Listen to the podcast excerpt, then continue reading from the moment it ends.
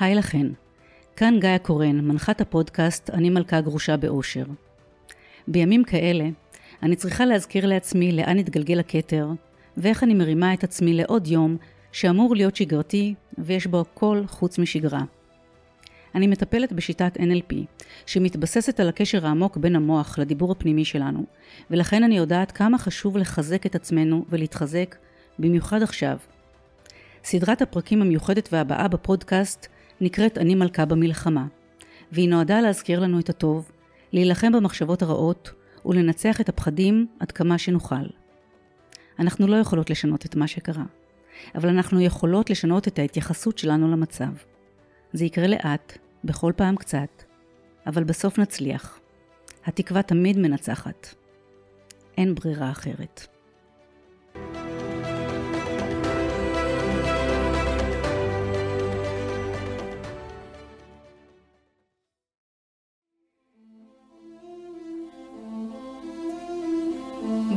ביום רביעי חזרתי מאוחר הביתה ושמעתי אותך במזכירה האלקטרונית. מודיע שכנראה לא נוכל לצאת לנופש שחודשיים חיכינו לו. הבטחת שתתקשר שוב, והלכתי לישון בוכה, מתפללת לאלוהים שכל כך האמנת בו, שישמור עליך בריא ושלם. למחרת חזרתי מהאוניברסיטה, הוצאתי מפיתוח את תמונות יום ההולדת שלך מלפני שנה, ודמיינתי איך תשמח לראות את הליבייס והחולצה שקניתי לך לכבוד הנופש. מאז אני רק מדמיינת. איך זה להריח אותך, איך זה לשמוע את הצחוק שלך, איך זה לדבר איתך. מצאתי את עצמי ערב אחד, יושבת בסלון, מתחננת שתיתן לי סימן שאתה לידי, שאתה שומר עליי. ביקשתי שתעשה הפסקת חשמל, שתעיף את העיתונים מהשולחן, שתעשה משהו. ערב שלם ישבתי ובהיתי באוויר. כלום לא קרה. אתה זוכר לא מזמן חגגנו שבע שנות חברות והקנטנו אחד את השני מה יבוא עכשיו? שבע השנים הטובות או הרעות? עכשיו אני יודעת. אני לא מאמין, איפה את? אני זה מתגעגע אלייך, אני אוהב אותך. יש פה כל מיני קטיושות שנופלות. דיברתי עם מה שסדן עכשיו, ויכול להיות שמחר אני אגיע, או שאני לא אגיע, אני לא יודע. אם תשמעי משהו בחדשות, זה אני תהיי גאה בזה. זהו, אני מאוד אוהב אותך. ממש אוהב אותך, באמת. ביי יפה שלי להתראות. אני אתקשר אבל עוד פעם לראות אולי כן בבית ואת ישנה ולא רצית לענות לי. ביי נשמה שלי, ביי. ביי.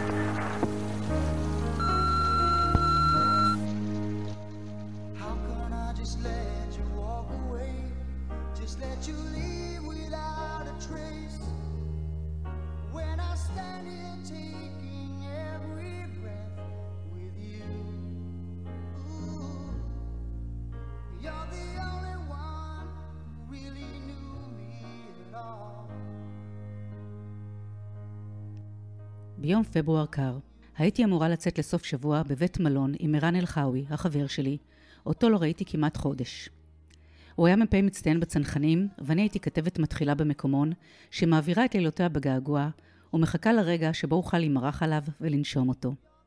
חלמנו על הרגע הזה, שבו ניפול זו על צווארו של זה, וכל כך התרגשנו, שאפילו קניתי לו חולצה במיוחד לכבוד האירוע. למרות שגרנו בדירה שכורה, זה תמיד כיף להתארח בבית מלון, כשיש מי שמחליף מצעים ומבשל עבורכם. בפעמים הספורות שבישלתי לו, ערן היה בולע בלי ללעוס, מעמיד פנים שהאוכל טעים לו. יום אחד גילה להפתעתו עגבנייה על הצלחת ולצידה סכין. זה סלט, הודעתי לו, בתיאבון. שבע שנים של זוגיות לבן העדה התימנית לא הכשירו אותי למטבח. כי כשהיה מגיע מהצבא, היינו טובעים בסירים עם אוכל ביתי מבושל, טעים להפליא. לא אני הכנתי, אמא שלו. בכל פעם שהיה טועה מהסירים, הייתי צועקת עליו שלא ידחוף ידיים. תוריד לצלחת, נזפתי בו, אתה לא בבסיס עכשיו. ערן היה מחייך אליי ודוחף עוד כף פנימה. רבנו על שטויות, כמו כל זוג שאין לו באמת על מה להתווכח. הוא מעולם לא עשה איתי ברוגז, לא הרים את קולו, לא צעק עליי אפילו פעם אחת. הוא היה זה שניגש להתנצל גם כשאני הייתי אשמה. הוא אהב אותי, כמו שילדים יודעים, ולא נתן לשטויות היומיום להפריע לו באהבה הזאת. הערצתי אותו. הוא היה בשבילי הנסיך הקטן מפלוגה ב', כמו שהוא היה בשביל החברים שלו מהכיתה, המפקדים שלו, ואפילו החיילים שעליהם פיקד. קצת אחרי שעברנו לגור ביחד, אמרתי להורים שלי שאנחנו מתכוונים להתחתן. הוא עוד לא הציע. חיכה לרגע המתאים. באותו יום פברואר קר, חזרתי מהאוניברסיטה בציפייה לסוף השבוע הרומנטי שמחכה לנו, למרות שלא היה ברור אם ערן יצליח לצאת חמשוש. בלילה השאיר לי הודעה במזכירה האלקטרונית. גאיה, אני לא מאמין, איפה את? אני מה זה מתגעגע אלייך, אני אוהב אותך. יש פה כל מיני קטיושות שנופלות, מחר אני אגיע, או שלא אגיע, לא יודע. אם תשמעי משהו בחדשות, זה אני, תהיי גאה בזה. זהו, אני מאוד אוהב אותך, ממש אוהב אותך, באמת. ביי יפה שלי.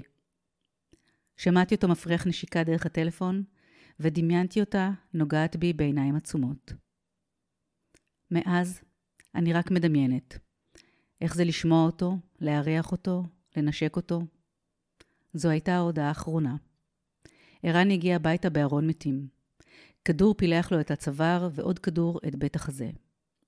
סרן ערן אלקאווי, זיכרונו לברכה, מ"פ בצנחנים והאהבה הראשונה שלי, נקבר בבית העלמין הצבאי בראשון לציון, והשאיר אותי ילדה, אלמנה, לא נשואה, בת 23, מרגישה שהשמיים קרסו ושאין יותר בשביל מה לחיות.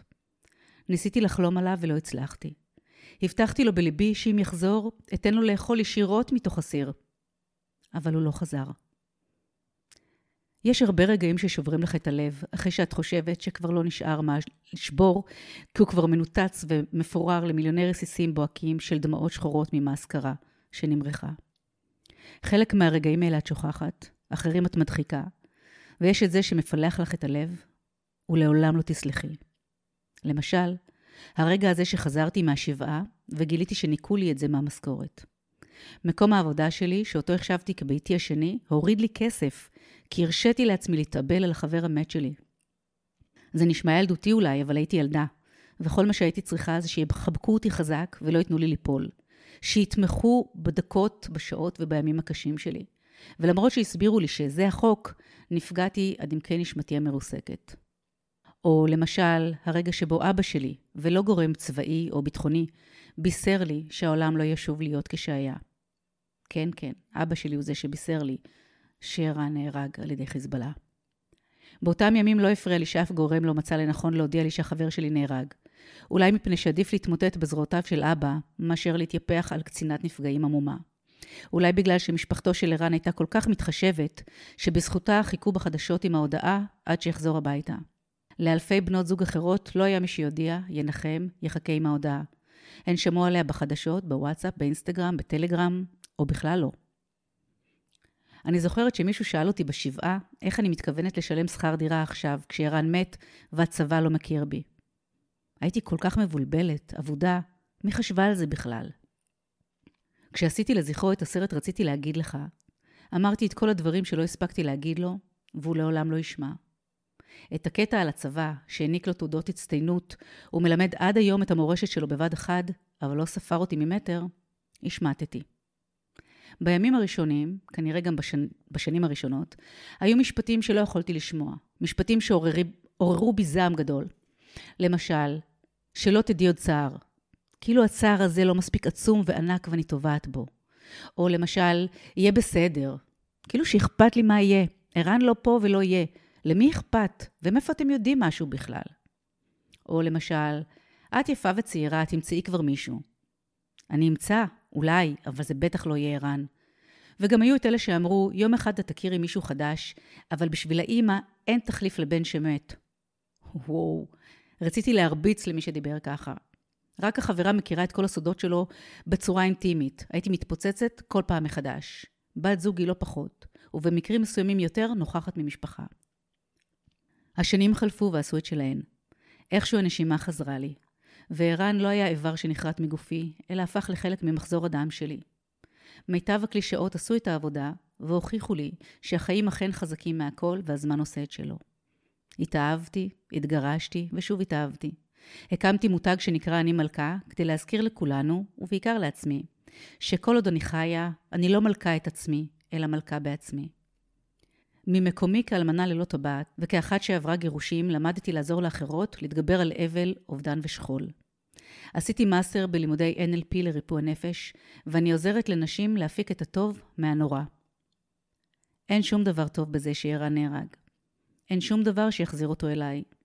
עכשיו אני גם לא רוצה, כי הוא יחזור צעיר וחתיך ויפה, ויראה מולו גאיה בגיל של אימא שלו.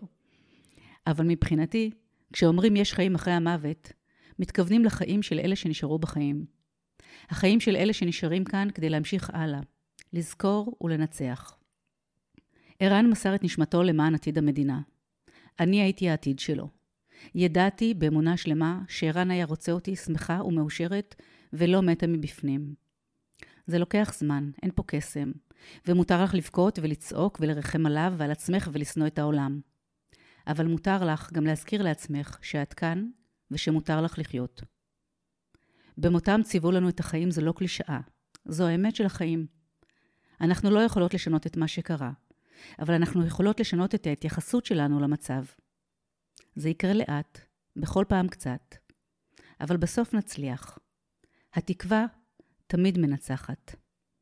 אין לנו ברירה אחרת.